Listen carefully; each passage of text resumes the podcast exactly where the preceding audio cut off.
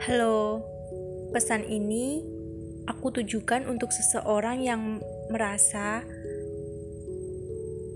dengan apa yang akan aku sampaikan. Oke, jadi aku selalu merasa kamu itu orang yang tiba-tiba datang, tiba-tiba pergi, terserah kemauan kamu. Dan aku bingung, aku bingung itu.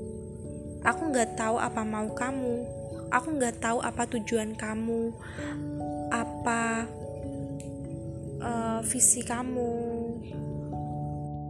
Dan di saat kamu datang itu, di saat itu pula aku selalu berusaha agar aku bisa lupa kamu, tapi kamu justru datang dan di saat aku mau membuka hati aku kembali untuk kamu, kamu pergi lagi seenaknya kamu. Aku nggak tahu apa maksud kamu. Apakah kamu mau mempermainkan aku? Selama ini aku sudah berpositif thinking terhadap kamu. Segala perlakuan kamu ke aku yang tiba-tiba datang dan tiba-tiba pergi, aku selalu berpositif thinking. Mungkin karena kamu ada kesibukan lain atau karena kamu ada pekerjaan yang lain yang lebih membutuhkan.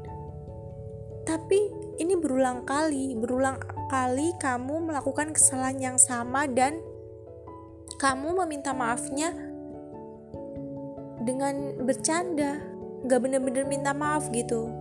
Kayak nggak tulus. Aku nggak tahu ya kamu dalam pikiran kamu itu aku kayak gimana tapi aku merasa sangat kecewa karena sikap kamu yang seperti ini